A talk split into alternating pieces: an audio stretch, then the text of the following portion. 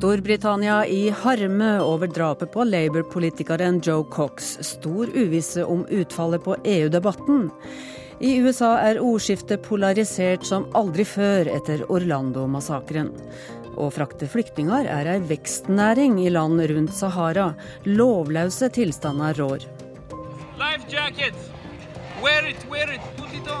Ta på dere redningsvesten, roper mannen fra Leger uten grenser.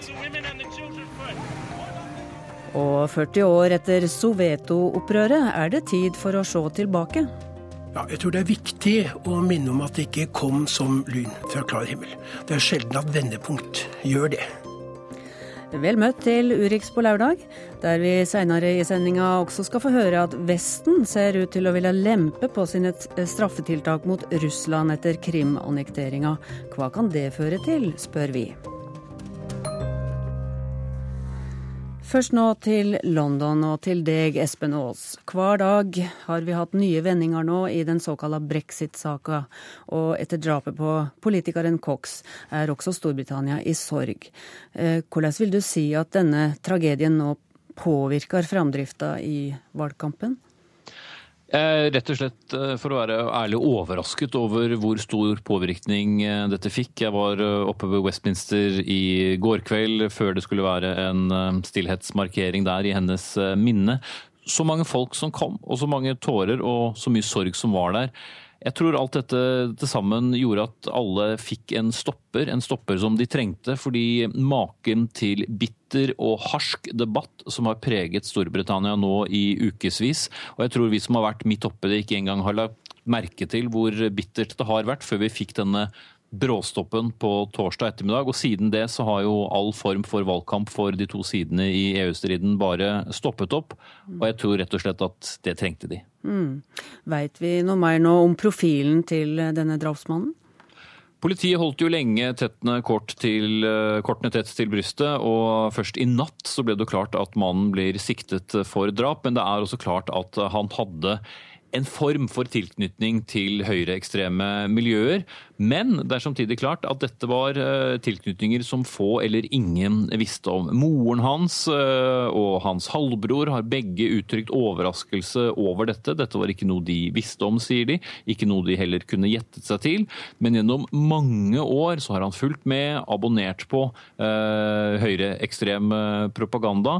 Og hvis det da stemmer, som flere øyenvitner sa, at han ropte 'Britain first' flere ganger da han angrep Joe Cox på åpen gate og drepte henne med skyte- og, stikkvåpen, så forklarer jo det også enda mer. Eh, som kjent eh, for mange så er jo Britain First en ytterliggående organisasjon på høyresiden, særlig muslimkritisk, men har også vært med på å hetse mange politikere på venstresiden i Storbritannia. Mm. Børsene steg jo etter drapet, og ser da altså ut til å tolke det som mest sannsynlig at bli-sida med dette drapet da eh, sannsynligvis vil vinne. Eh, hva tenker du om denne børstolkninga? Jeg så også eh, faktisk samme dag at pundet eh, styrket seg 25 eh, øre nesten mot norsk krone. Markedet er jo alltid veldig kynisk. Jeg tror at det skal mer til for å avgjøre denne kampen. Ennå er det mange dager igjen. Lenge har jo for så vidt mange aktører og veddebyråer og andre trodd at det til sjuende og sist kommer til å ende med at Storbritannia blir men eh, sjansene for det har eh, skrumpet inn litt etter litt nesten hver eneste dag, fordi eh, utsiden i denne kampen har hatt eh, mye av overtaket og har, har, hatt en kampanje som ser ut til å ha gått mer hjem hos mange enn blisiden. Men nå har jo også kampanjen stått eh, helt stille siden torsdag ettermiddag. Og det kommer ikke til å skje noe i dag heller, selv om avisene sakte, men sikkert begynner å plukke opp noen artikler og noen uttalelser som også handler om EU. Ja, det er jo få dager igjen. Eh, det er på torsdag det skal skje. Tror du debattklimaet vil ta seg opp igjen? Det kommer nok til å, å, tilta noe, men jeg håper og tror at eh, mange nå, som jeg sa innledningsvis, eh, tenker seg litt mer om hvordan de forholder seg til hverandre. Vi hadde jo en annonsekampanje som ble eh, vist frem rett før dette drapet skjedde, eh, fra partiet UKIP, som også står på høyresiden i, i denne saken, som jo minnet om eh, plakater tilbake fra, fra nazitiden. Hvordan det handlet om å stoppe stoppe alle disse mengdene med, med flyktningene på grensene. Hva folk har klart å kalle hverandre, og hvordan folk omtaler hverandre i sosiale medier, ikke minst, er mildt sagt spesielt. Men det var også en påminnelse om at jo veldig mange folkevalgte i Storbritannia har hatt dette problemet i årevis. Det kommer drapstrusler, det kommer voldtektstrusler pga. at de fører en politikk. Takk til deg, Espen Aas. Vi vil få høre mer fra deg i dagene framover. Eh, vi skal over til eh, USA nå. Terrorangrepet i Orlando har også ført til ei intens politisk veke der. Mens familier i Orlando er i sorg, daler Donald Trump på meningsmålingene etter heftige utfall mot president Obama. Andre vil bruke denne verste masseskytinga i amerikansk historie til å prøve å tvinge gjennom strengere våpenlover. USA-korrespondent Tove Bjørgaas har vært tett på både i Orlando og i Washington disse siste dagene. I'd say we're a big city with a big heart, with an even bigger heart. We're a family. Yeah. Orlando's a family. It's all we've ever been. Come here, my sweet boy. My babe. I love you. Patty Rivera gråter på plenen utenfor en konserthall i Orlando.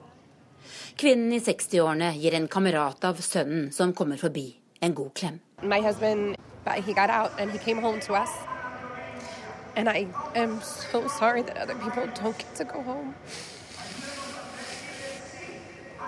I pray for them, families. I have children, um, a lot of those kids' age, and Mannen min var DJ på Pulse. Han kom hjem i live søndag morgen. Men jeg gråter for alle som ikke kan klemme barna sine nå, sier hun. Folk i Orlando er blitt mer og mer numne ettersom skrekkhistoriene fra det som utspant seg på nattklubben natt til søndag, er blitt flere. I tre timer lå ungdommer på gulvet inne på toalettene med blod rennende nedover ansiktet. De hørte Omar Matin bevege seg og skyte på toalettet ved siden av. De ringte nødnummeret. Kom og redd oss. Men politiet trodde Matin hadde sprengstoff han ville detonere, og ventet tre og en halv time før de stormet klubben og drepte gjerningsmannen. Da var 49 mennesker allerede drept. For en fra Norge går tankene naturlig nok til Utøya. De jeg treffer på minnemarkeringen på plenen, forstår hva jeg mener. Men mange av dem er likevel opptatt av at du kan drepe fryktelig mange fryktelig fort her fordi du kan få tak i et automatvåpen. Well, I'm heartbroken. I'm heartbroken for the victims. I'm heartbroken for their families. Geraldine Thompson er delstatssenator i Florida. Every time we have a massacre of this this type, we talk about reform and nothing ever happens. So this is a conversation that we really have to have with regard to how weapons get into the hands of violent and unstable people. We want a version of the Feinstein bill, which prohibits individuals on the no fly list from getting a gun, to come before the Senate for a vote. I Washington har Connecticut to demokratiske senatorer forsøkt å få til det umulige denne uka. De har Sandy Hook-massakren friskt i minne. Og de prøver å få Senatet til å stemme over en lov som vil kreve bakgrunnskontroll av alle som kjøper våpen. I 15 timer natt til torsdag forsøkte de to senatorene seg på en såkalt filibuster, en uthaling for å tvinge gjennom en avstemning. Men avstemningen har ennå ikke skjedd. Today marks the most deadly shooting in American history. The shooter was apparently armed with a handgun and a powerful assault rifle. President Obama har gjort alt han har kunnet for å få til strengere våpenregler de siste årene. Men som president er det ikke så mye han kan gjøre. Nå er det Donald Trump som sier han vil forsøke å få til noe ved å forhandle med våpenlobbyen NRA, som sier at de støtter ham. We have to be vigilant. Men denne uka har Donald Trump fått mest oppmerksomhet for noe annet. Han har gitt den amerikanske presidenten så hard medfart at selv mange i det republikanske partiet reagerer. Telefonintervjuet Trump ga til Fox News kort tid etter angrepet i Orlando, er blitt spilt om og om igjen. that either is not tough, not smart, or he's got something else in mind. And the something else in mind, you know, people can't believe it. People cannot be, they cannot believe that President Obama is acting the way he acts and can't even mention the words radical Islamic terrorism. Obama er enten ikke særlig tøff, ikke særlig smart, eller han har noe annet på gang, sier Trump. Amerikanske medier, med The Washington Post i spissen, har skrevet at Trump beskylder Obama for å stå i ledtog med radikale islamister. Trump svarte med å nekte Washington Post journalister adgang til valgmøtene sine.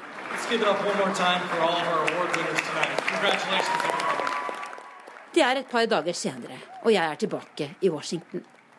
På et fint, stort hotell er vi TV- og radiojournalister som dekker Kongressen, samlet til en stor årlig middag. Mange av mine amerikanske kolleger er sjokkerte over langt mer enn det som har skjedd i Orlando. ABC-veteranen Dennis Dunleavy vinner en pris og kommer med en klar oppfordring til yngre kolleger i sin takketale. Don't get tired of holding people accountable who don't think they need to be held accountable. And we need to count on you to figure out the limits and the changes. When does objectivity require maybe a little less equivalence? Sørg for å gå politikere etter i sømmene. You don't need me to tell you how important the decision is that America will make in November. Noen ganger finnes det grenser for hvor objektiv en bør være, sier han, og minner sine amerikanske kolleger om at amerikanerne skal ta en svært viktig avgjørelse i november. We have to stop people from pouring into our country. We have to stop it. Donald Trump er blitt kalt både rasist og fascist den siste uka. Oppslutningen hans mot Hillary Clinton har falt. Og kongressleder Paul Ryan har understreket at det ikke er en god idé å nekte alle muslimer adgang til USA. Um, I do not think a Muslim ban is in our country's interest. I do not think it is reflective of our principles, not just as a party, but as a country. Det er bare noen uker til det republikanske partiets landsmøte i Cleveland. Og den siste ukas begivenheter vil utvilsomt få stor innvirkning på det som skal skje der, selv om det stadig er vanskelig å se for seg hvordan noen skal klare å hindre at det blir udresserbare Donald Trump som skal være republikanernes presidentkandidat i november.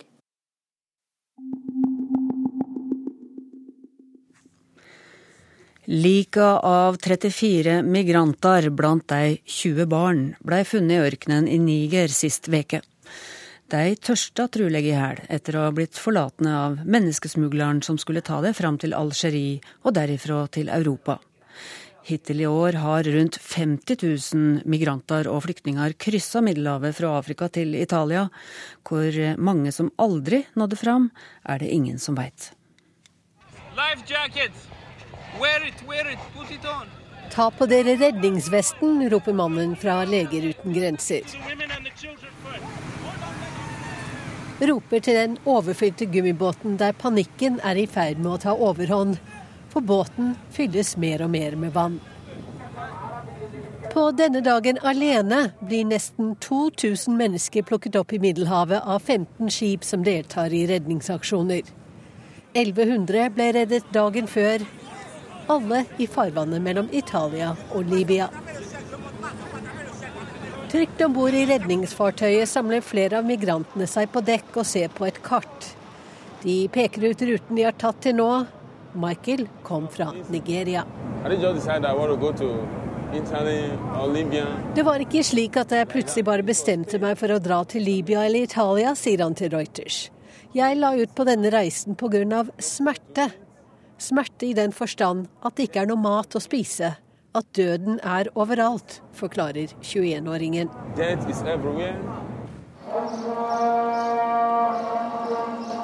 I Misrata i Libya sitter tre menn i skyggen av en busk langs en hovedvei. Om de er fra Nigeria som Michael, eller fra Niger, Mali eller kanskje Senegal, er ikke godt å si. Men de er tre av titusener som flykter fra fattigdom, fra tørke, fra sult og konflikt i Sahel-beltet, som strekker seg tvers over det afrikanske kontinentet rett sør for Sahara. De har allerede én farlig reise bak seg. Ifølge IOM, den internasjonale organisasjonen for migrasjon, har flere enn 471 migranter mistet livet eller forsvunnet i Afrika i år. Ørkenen drepte minst 250 av dem, i Libya og Sudan alene. IOM rapporterer også om det de beskriver som en alarmerende økning i voldelige dødsfall blant migranter. Hensynsløse menneskesmuglere mishandler dem både fysisk og seksuelt. IOM frykter en sterk underrapportering når det gjelder disse dødsfallene. I Misrata åpner en vakt den tunge jernporten til et interneringssenter for migranter. Der havner de som blir pågrepet av libyske myndigheter, og som dermed får satt en stopper for den neste etappen på deres reise, den over Middelhavet. En av migrantene, han vil ikke si hva han heter, løfter på skjorta og viser fram ryggen sin til en journalist fra den britiske nyhetskanalen Sky. Ryggen er full av dype sår. De straffer oss her, de pryler oss hver dag, sier han.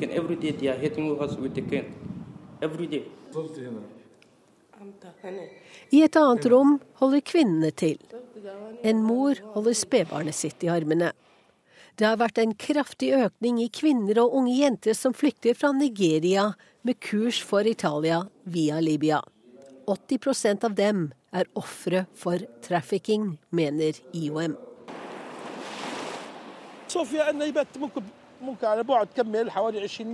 Og fra den libyske kystvakten kritikk mot EU-operasjonen som har til hensikt å stanse migrantenes farlige ferd over Middelhavet, Operasjon Sofia. Den fungerer like mye som en oppmuntring, for når mennesker blir reddet, ringer de til sine venner og forteller dem at det ligger EU-skip bare 20 minutter unna, klare til å ta imot dem, sier Tafik al-Skir til Sky. Wenche Eriksen rapporterte. Og på mandag er det verdens flyktningedag. Da skal vi få det totale flyktningregnskapet. Eh, Marta Sketteberg, du er leder i Caritas. Velkommen i studio. Takk. Du kommer akkurat fra ei reise i landa kring Sahara, og var bl.a. i Agadez, en viktig mm. transittby for deg som gjerne vil krysse over grensa. Eh, krysse over til Europa fra Libya, kanskje. Mm. Og du kommer tilbake djupt rysta. Hva så du?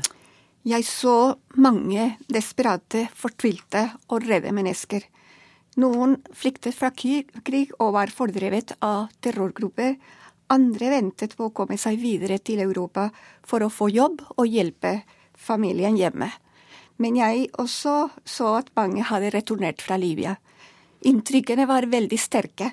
Eh, flere av de ungdommene jeg snakket med, eh, hadde mistet alt, og de sto i stor fare for å bli rekruttert til væpnede grupper. Mm. Vi hører jo at det er nærmest lovløse tilstander i deler av Sahara. Eh, hva er det som skjer? Og situasjonen er veldig uoversiktlig og kompleks. Det er over fire millioner som er drevet på flukt. Eh, det er forholdene i Nordøst-Nigeria og Tjadsjøen. Tsjadsjøen. Der er det veldig vanskelig pga. konflikten med Boko Haram. Vi har også stor fattigdom. Niger og Tsjad er blant de fattigste eh, land i verden. Og så har vi dramatiske klimaendringer som har alvorlige konsekvenser. 23 millioner sulter, og 6 millioner har akutt behov for matvarehjelp pga. tørke og flom. Så situasjonen er kjempevanskelig. Det vi så er at det er også stor kriminell virksomhet i området. Smugling av narkotika og våpen, menneskesmugler smugling. Også eh, profitten skaper mye korrupsjon. Migranter blir utnyttet og presset for penger. Også som vi hørte, mange har mistet livet eh, på veien gjennom Sahara-ørkenen. Mm. Men nå vil jo altså EU belønne stater for å stenge grensene sine med å gi mer bistand. Eh, hva tenker du om det? Også Caritas eh, mener at eh, å øke bistand til sårbare staten, stater er viktig, og det er den riktige veien å gå.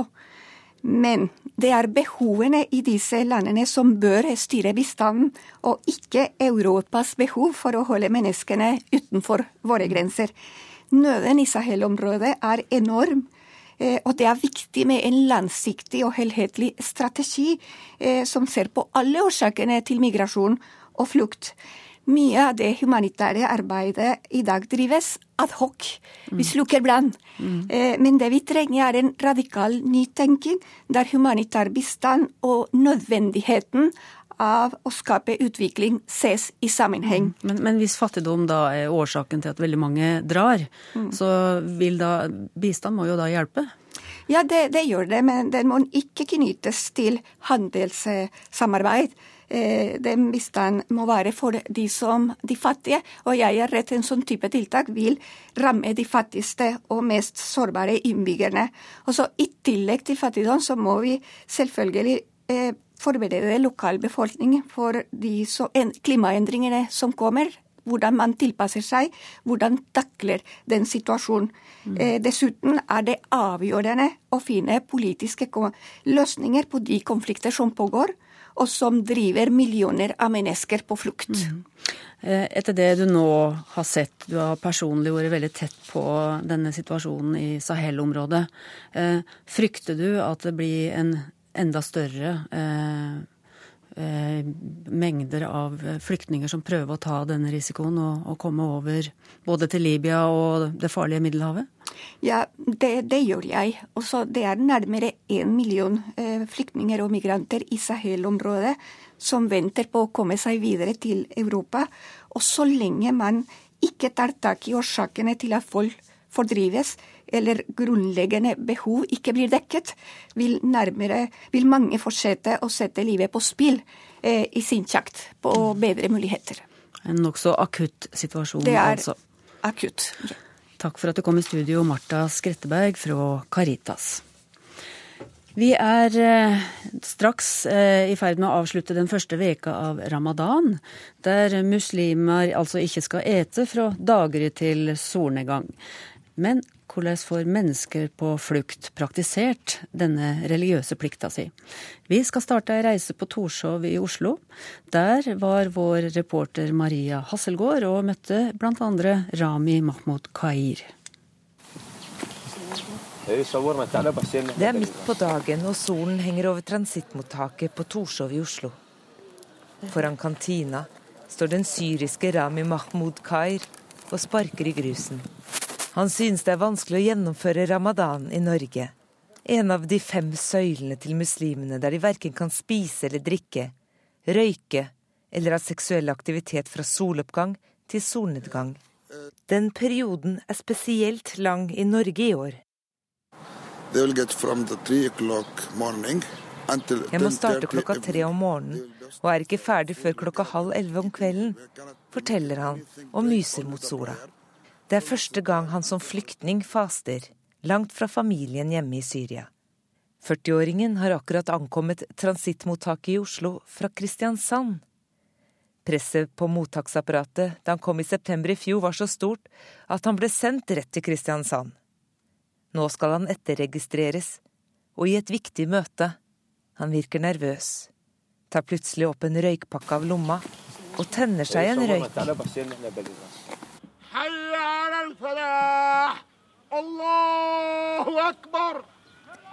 Dagen er kortere, men varmen plagsom for 52 000 flyktninger og økonomiske migranter som har strandet i Hellas.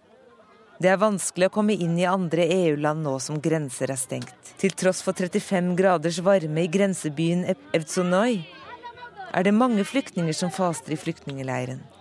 Betydningen av fellesskap, solidaritet Tålmodighet og selvbeherskelse er stor i fasten, og de troende oppfordres til åndelig fordypelse.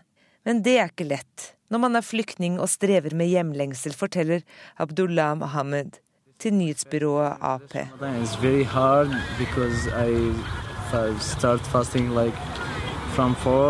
to uh, nine. That's a long time, and det er veldig vanskelig å faste fra fire om morgenen til ni om kvelden. Det er altfor lenge og vanskelig siden jeg savner familien min, spesielt mamma, sier han. 24-åringen ber om å få se henne igjen snart, gjerne i Tyskland. Hit kom mer enn 1,1 millioner innvandrere i fjor. Og solen har gått ned over et ombygd hotell i Berlin, der en gjeng mannfolk har tatt oppgaven som kokker. Det freser i stekepanner, og stemningen er god i kjøkkenet på mottaket som drives av det tyske Røde Kors. Iftar forberedes, måltidet som bryter fasten etter solnedgang. Mottaksleder Frank Zielske har forsøkt å legge til rette for at flyktningene skal få praktisere sin religiøse plikt. Natürlich äh, war vorher auch bei den Bewohnern eine große Aufregung zu merken, wird das gehen, wird das äh, durchführbar sein, auch für uns. Selvfølgelig merket vi mye bekymring blant beboerne i forkant. De lurte på om det kunne fungere, om de kunne gjennomføre, og vi også lurte på hvordan vi skulle håndtere deres religiøse plikt. Det var litt spenning, faktisk. Nå tror jeg vi håndterer det ganske bra, forteller mottakslederen til Reuters. Mottakslederen viser vei til en palestinsk-syrisk flyktningfamilie som kom til Tyskland for fem måneder siden. Inne på et av rommene underviser storesøster de andre i matematikk. Familien er takknemlig for hvordan mottaket legger til rette for både måltidene og bønnen i forbindelse med ramadan. Solen har ennå ikke gått ned over transittmottaket på Torshov i Oslo, der Svan Wahid er aktivitetsleder. Han syns også det er viktig å legge til rette for fasten. Vår kantine har erfart, eh, og de er veldig gode på det, at eh, når en person som faster, eh, hva de trenger. Altså, de trenger altså proteiner og altså karbohydrater og supper og mineraler og, og, frukt, ikke minst. Så dadler er hver kveld som frukt som passer akkurat det, fordi det er veldig fullt av jern og naturlig sukker. Sigaretten til Rami Mahmoud Kair er blitt aske. Han har mye å tenke på. Det viktige møtet er et intervju hos politiet. Han vil så gjerne ha oppholdstillatelse. Han utsetter fasten i dag, og det var derfor han kunne ta seg en røyk. For det er nemlig noen situasjoner der fasten kan utsettes. Barn, syke, eldre og gravide er fritatt fra faste, men er du på reise, kan du ta igjen de dagene du mister etter ramadan, som er over 7. juli. Han vil ta denne dagen igjen. Nå vil han be.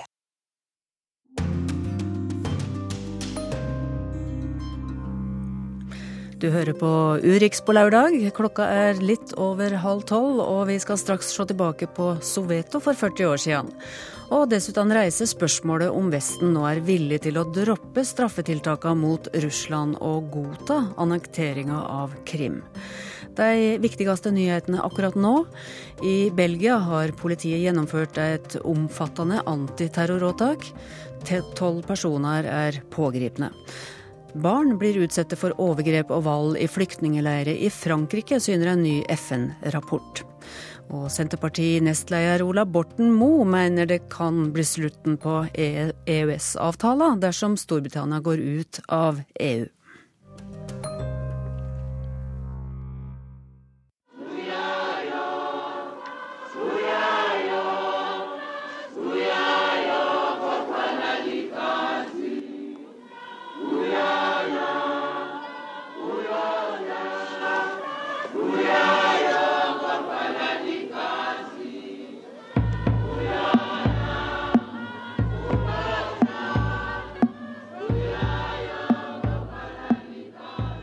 Det er 40 år siden Soveto. Eh, Soveto 1976 er en tidsmarkør i nyere internasjonal historie. Og bildet av den 13 år gamle Hector Petersen er et av våre sterkeste symbolbilder. Blødende, døyende blir skolegutten forsøkt berga ut av eh, skottregnet. Ved sida springer den fortvila søstera. Ansiktsuttrykka til de svarte ungdommene svir seg fast i oss. Ja, sjøl nå, 40 år etter, gir dette bildet et søkk i magen. Og Tore Linné Eriksen, velkommen i studio. Historiker og forfatter av Sør-Afrikas historie. Eh, hvor avgjørende var dette øyeblikket? Det var avgjørende i den forstand at det viste seg å bli et vendepunkt i Sør-Afrikas historie. Fordi det viste seg, og, og det viste verden ikke bare Sør-Afrika, men store deler av verden, at det var et symbol både på apartheidstyrets undertrykking, det visste man om, men det var også et symbol på kamp, på motstand og på offervilje. Og den tok aldri slutt etter 1976. Mye hadde jo skjedd før denne hendinga da i 1976 i Sovjeto? Ja, jeg tror det er viktig å minne om at det ikke kom som lyn fra klar himmel. Det er sjelden at vendepunkt gjør det. Eh, for det første var det jo slik at 1960-tallet hadde jo vært en periode som sett ifra det hvite rasistdiktaturets side var eh, en slags gullalder. Da var frigjøringsbevegelsene med ANC Nelson Mandelas bevegelse i spissen. De var eh, tvunget under jorda. Lederne satt i fengsel. Det var en voldsom militarisering. Det var ikke lenger bare en politistat, men en militærstat. Og Samtidig var det en periode hvor utenlandske selskaper strømmet til. Og det var investeringer, og det var et veldig tett samarbeid, særlig med vestlige stormakter. Så de trodde at det på en måte eh, slik skulle fortsette. Men vi ser da fra slutten av 1960-tallet så oppstår det en, den bevegelsen som er kjent som svart bevisstgjøring, eller black consciousness, eh, som ga nytt liv og ny motstandsvilje, bygd på ø, oppfatningen om svart stolthet over egen historie og kampvilje. Steve Biko, som ble myrdet i 1977, er et av de mest kjente symbolene. Mm. Men i ettertid så er det mange som legger større vekt på, eller like stor vekt på, de store streikebevegelsene med utgangspunkt i Durban på, uh, på østkysten uh, i 1973, som var en streikebevegelse mye større enn man hadde sett tidligere i sørafrikansk mm. historie. Og så etter disse streikene da, så kom plutselig dette opprøret av skoleungdommer. En må kanskje minne her om eh, hva slags tankegang som lå bak denne bydelen Soveto, som mm. jo var helt spesiell. Ja. La meg først uh, legge kort til også at, at, i 1974, altså to år før, skjedde noe som fikk stor oppmerksomhet i Soveto og i de andre svarte bydelene. Og det var at i nabolandene Angola og Mosambik, så ble det portugisiske militærstyret knust, og det ble frigjøring. Frigjøringsbevegelsen hadde seiret. Og det viste på en måte at myten om hvit uovervinnelighet var ja, bokstavelig talt en, en, en myte. Eh, Frelimo, bevegelsen i Mosambik, eh, var særlig nær Sør-Afrika eh, og nær frigjøringsbevegelsen. Så Viva Frelimo, leve Frelimo, var liksom et slagord i de svarte bydelene. Mm. Men det som utløste det uh, i 16.6.1976, uh, det var jo en protestdemonstrasjon som var tillyst av skoleungdom. Uh, ned i 10-12-14-årsalderen. Uh, og det var rett rettet mot en konkret sak, nemlig myndighetenes, apartheidmyndighetenes ønske om å påtvinge, større, påtvinge, at en større del av undervisninga skulle være på deres språk, altså boerspråket fra de hollandskættede eh, mindretallet. Og det var et forhatt symbol.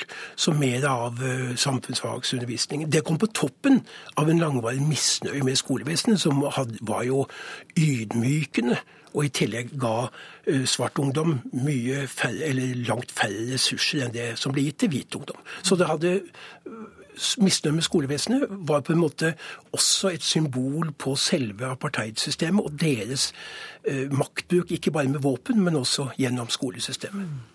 Hvis du kort skulle skildre Soveto? Ja, Det er jo en uh, svart bydel eh, ikke så langt utenfor eh, Johannesburg.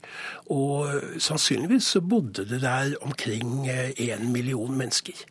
I brakkebyer og veldig rett lette gater, slik at politibilen lett kunne komme fram. Det var en av måtene det ble laget på.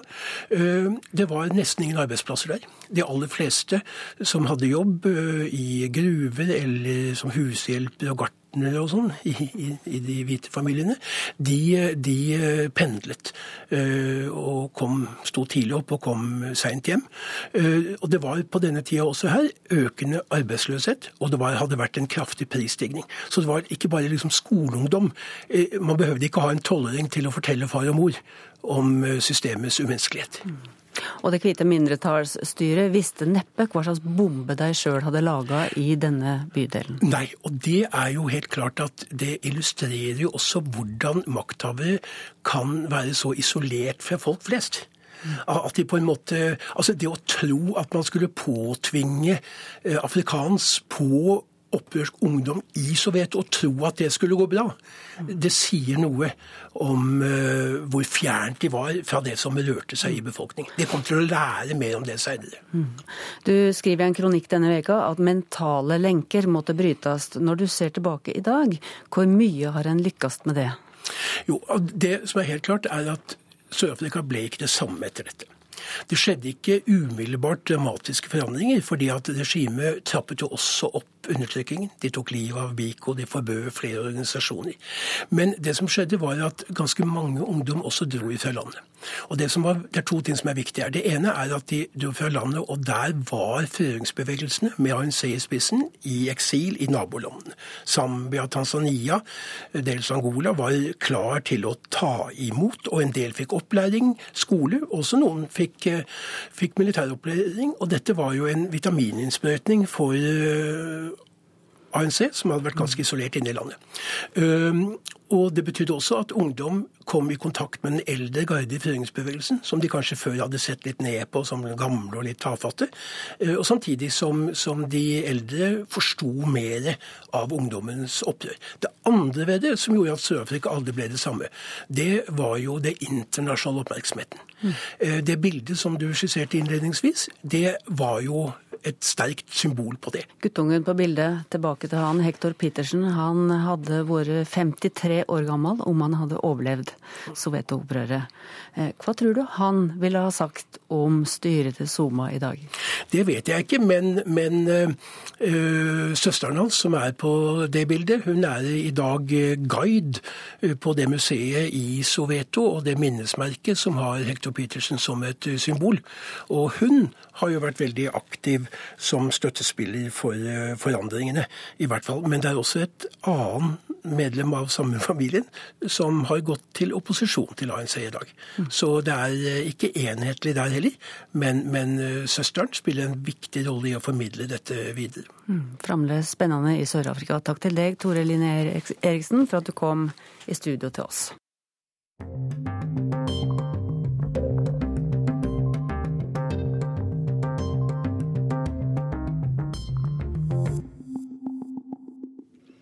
Til Russland nå.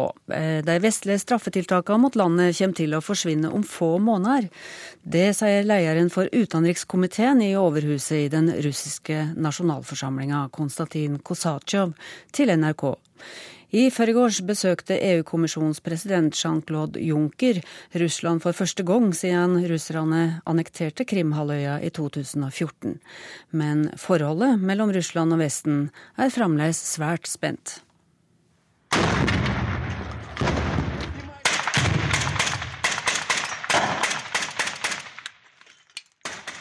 Det skytes stadig oftere i Øst-Ukraina, der russiskstøttede opprørere kjemper mot ukrainske styrker. Offisielt sett er det våpenhvile, men på bakken er virkeligheten en annen. The ceasefire is violated again and again, and this is of great concern. And we have seen uh, many ceasefire violations over a long period of time. Uh, uh... Våpenhvilen brytes igjen og igjen, og det er svært bekymringsfullt, sier Natos generalsekretær Jens Stoltenberg. Han påpeker at dette har skjedd over en lang periode, og at mange mennesker har blitt rammet. Ifølge Stoltenberg fortsetter Russland å støtte separatistene med våpen, utstyr, rådgivere og annen type hjelp.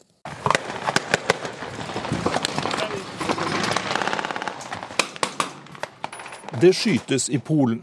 En kjempestor Nato-øvelse har pågått den siste tiden. Flere østeuropeiske land er redde for hva Russland kan gjøre militært i fremtiden, og har bedt Nato om å utplassere soldater for å vise styrke.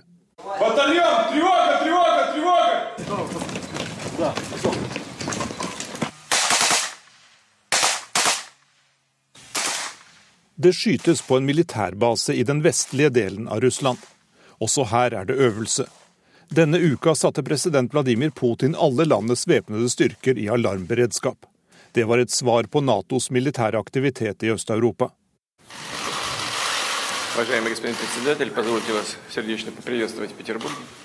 Men midt oppe i den militære sabelraslingen så reiste EU-kommisjonens president Jean-Claude Juncker til St. Petersburg for å delta på en konferanse om økonomisk samarbeid. Det er første gang en av EUs toppledere har vært i Russland siden Krimhalvøya ble annektert i 2014. Det tolker mange som et tegn på at isolasjonen av Russland pga. konflikten i Ukraina kan gå mot slutten. Like here, like idea. Like uh. In coming weeks,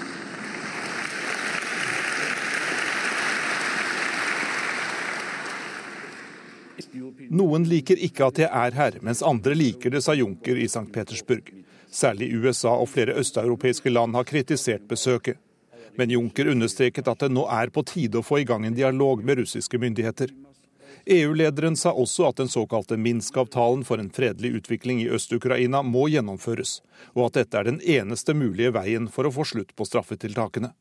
Есть и вопросы, которые действительно стоят на повестке дня в двухстороннем плане России I forholdet mellom Russland og EU er det mange aktuelle spørsmål, og de skal vi nå drøfte nærmere, sa president Vladimir Putin, som var svært fornøyd med at EU-lederen besøkte St. Petersburg. EUs økonomiske sanksjoner mot Russland utløper i juli, og unionen diskuterer nå en forlengelse. En av lederne i den russiske nasjonalforsamlingen sier til NRK at straffetiltakene bare kommer til å vare noen måneder til. Признаки того, что политика изоляции России провалилась, что давление на Россию не дало ожидаемого результата, Den vestlige isolasjonspolitikken overfor Russland har vært mislykket, og presset mot russiske myndigheter har ikke hatt noen effekt. Det sier Konstantin Kasatsjov, han leder utenrikskomiteen i Overhuset i den russiske nasjonalforsamlingen. Han mener at EU også taper stort på sanksjonspolitikken, og at straffetiltakene gradvis kommer til å bli fjernet i løpet av noen måneders tid. Kasatsjov hevder også at Russland gjør hva landet kan for å få til en fredelig utvikling i Øst-Ukraina, og at det nå er opp til ukrainske myndigheter å ta konstruktive grep. Men Krimhalvøya kommer aldri mer til å bli ukrainsk. Det har president Putin garantert. Og det var Jan Espen Kruse som hadde møtt lederen for den russiske utenrikskomiteen. Og vi har med oss Morten Jentoft fra Moskva. Slipp Russland unna noe med annekteringa si av Krim? Det vil jo tiden vise. Nå innførte jo EU da, eller forlenget jo allerede nå da, disse tiltakene som de innførte allerede den gangen da Russland annekterte Krim. Det skjedde jo før innblandingen i Øst-Ukraina, i Donbass, som jo er bakgrunnen for de mer omfattende sanksjonene som ble innført mot, mot, mot Russland fra EU sin side. Så uh, Vi får se uh, hva som skjer her, men det er klart at i kulissene så er det veldig mange vestlige ledere som innser at det blir svært svært vanskelig å få Krimhalvøya tilbake igjen til Ukraina. Det er nok også mange i Ukraina som innser det. Så er spørsmålet om det er mulig når det gjelder Krim å finne et eller annet kompromiss, f.eks. en ny folkeavstemning gjennomført under internasjonal kontroll som kanskje vil gi et flertall for at Krim fortsatt skal være en del av, av Russland, slik som det er i dag. Da. Så Vi får se hvilke løsninger som kommer her, men det er interessant å se at så mange vestlige ledere nå besøker Russland. Og nå har jo også den norske fiskeriministeren Per Sandberg nettopp vært her. Ja, nettopp. Denne oppfatninga som den russiske politikeren gir uttrykk for, at altså straffetiltaka mot Russland har vært fullstendig feilslått, er det en gjengs oppfatning? Der i Moskva, i Russland? Det jo, det er jo politisk retorikk. Han kan jo ikke si noe annet enn det. Det er klart at disse straffetiltakene og de russiske motsanksjonene de har rammet hardt. Den russiske økonomien har vært i kraftig fall de to siste årene. Selv i nå 2016 så er det ventet en, en nedgang på litt under 1 Det merkes godt, ikke minst ute i provinsene i Russland. Sånn at det som han sier der, det er en politisk retorikk. Sanksjonene de, de virker. Selv om Russland har klart seg gjennom denne perioden uten at økonomien totalt har kollapset. Det er jo en tilspisset situasjon i Svartehavet. altså Amerikansk marinefartøy til stede, planer om Nato-base i Romania. Og, og, begge deler er jo veldig nært den russiske svartehavsflåta. Hvor farlig vil du si at denne situasjonen er? Ja, situasjonen der er også farlig. De, vi har jo sett en tilspissing i Østersjøen. Nå ser vi at amerikanerne da eh, kjører inn et moderne krigsskip, US Porten, med eh, eh, moderne, som russerne sier da, avanserte rakettsystemer om bord. Dette mener de er med på å destabilisere situasjonen i, eh, i Svartehavet. Det var en talsmann for eh, det russiske utenriksdepartementet, Andrej Kelin, ute og sa denne uken her. Sånn at eh, også i Svartehavet er det jo en tilspissing. Men men mange mener jo at situasjonen er faktisk mer eh, farlig i Østersjøen, der man opererer på svært, i svært, svært trange farvann. der den russiske Kaliningrad-enklaven ligger helt for seg selv og utgjør også et uromoment. sånn at eh, det at man også ser en tilspissing i Svartehavet, det blir en ytterligere et ytterligere eksempel på at uh, det er en forverret internasjonal situasjon. Ja, Helt kort til slutt, uh, Morten Jentoft. Den tyske utenriksministeren Steinmeier kritiserer i dag altså Nato for å drive krigshissing med militærøvinger i Øst-Europa. Det blir vel godt mottatt av Putin?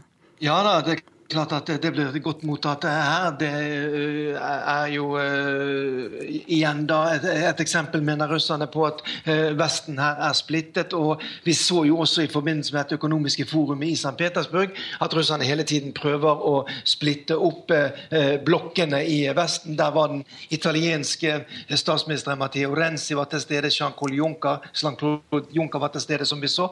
Mm. Sånn at det at Steinmann også nå er ute og og sier at uh, man fra Natos side nå må være forsiktig. Det, det er nok viktige argumenter uh, sett med russisk side. Mm, takk til deg, Morten Jentoft.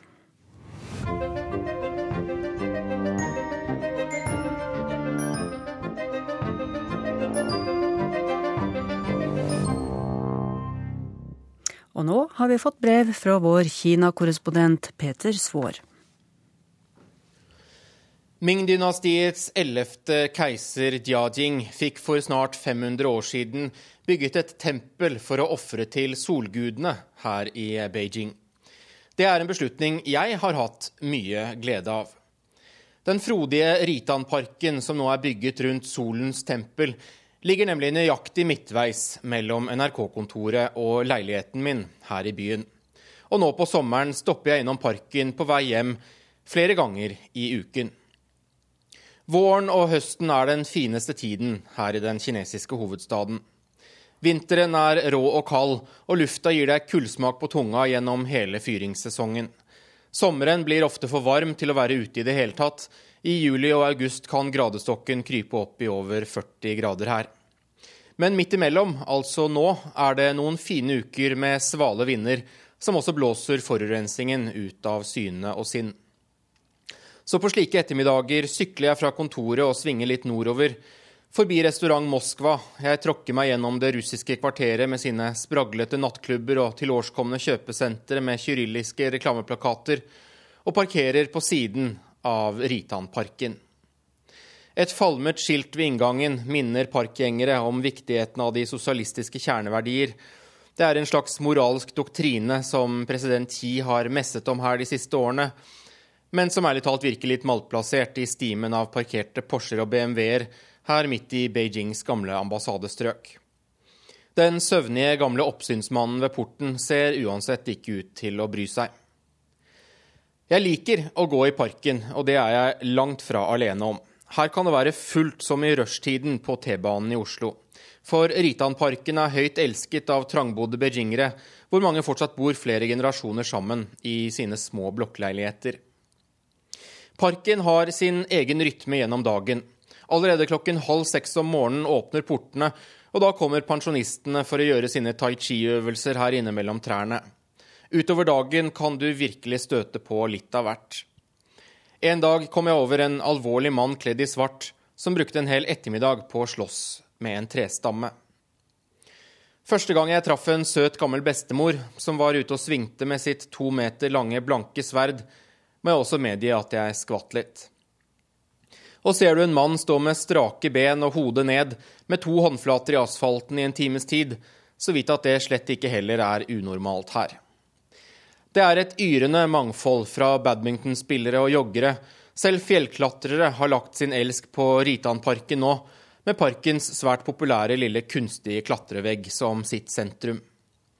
Og så har du selvsagt de larmende, irriterende, allestedsnærværende dansende bestemødrene. Jeg kommer tilbake til dem.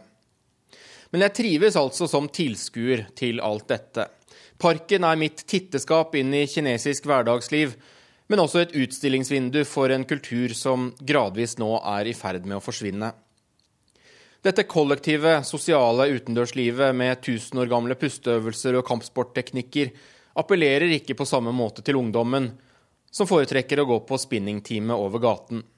Det nærmeste treningssenteret heter California Fitness og er malt i de samme fæle oransje fargene som et hvilket som helst satssenter hjemme i Norge. Men midt i Ritanparken ligger det runde, rødmalte tempelet for solens guder.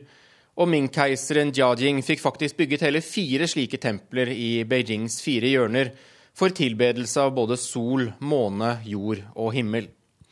Det mest kjente i dag er naturligvis Himmeltempelet, som knapt en turist som kommer hit til byen kan unngå å valfarte til. Men fred i sjelen eller kontakt med høyere makter kan du skyte en hvit pil etter i himmeltempelets lange køer av turister og kinesiske turgrupper, og ikke minst mellom alle guidene med sin forkjærlighet for å skrike inn i disse forferdelige små høyttalerne de alltid bærer med seg. Men også i nyere tid har Ritanparken spilt en historisk rolle. Under sommer-OL i 2008 ble parken erklært som offisiell protestsone. Parkens murer var ett av tre steder i Beijing hvor det angivelig var tillatt å demonstrere.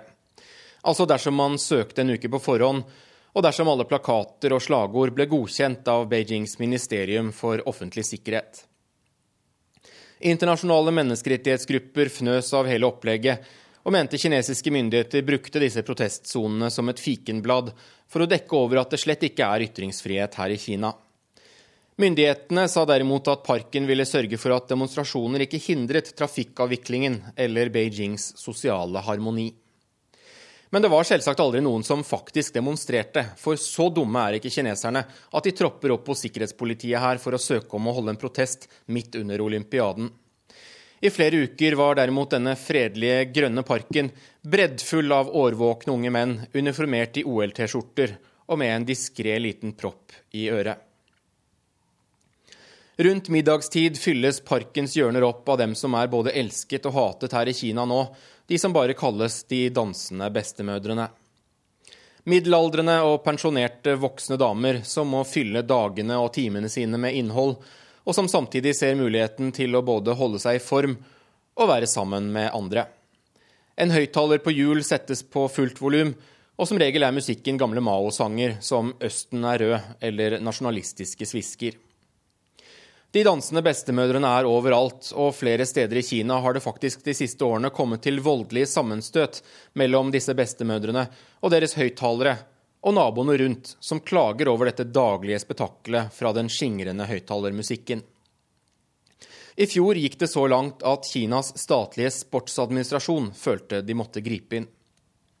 Parkdans representerer den kollektive kinesiske kultur men overentusiastiske utøvere er i ferd med å skade denne sporten gjennom alle klagene på støy, sa lederen for Sportsadministrasjonens avdeling for fysisk aktivitet på offentlige steder. Han kunngjorde deretter et sett med statlige reguleringer som de gamle dansende bestemødrene ble pålagt å følge. Det som skapte størst harme, var nok de tolv såkalt vitenskapelig utformede dansetrinnene, egnet for å gi befolkningen her positiv energi og skape nasjonal enhet.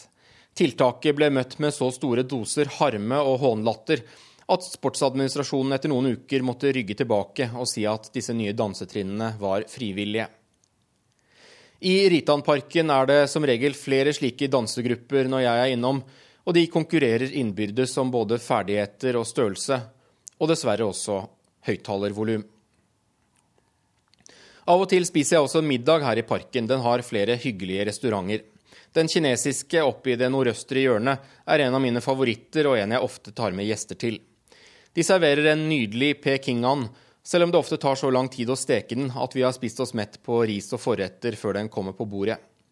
I et glassmonter ved inngangen står falmede fotografier av restaurantens mest berømte gjester. De er, sist jeg sjekket, Finlands tidligere president Tarja Halonen og filmstjernen Jackie Chan.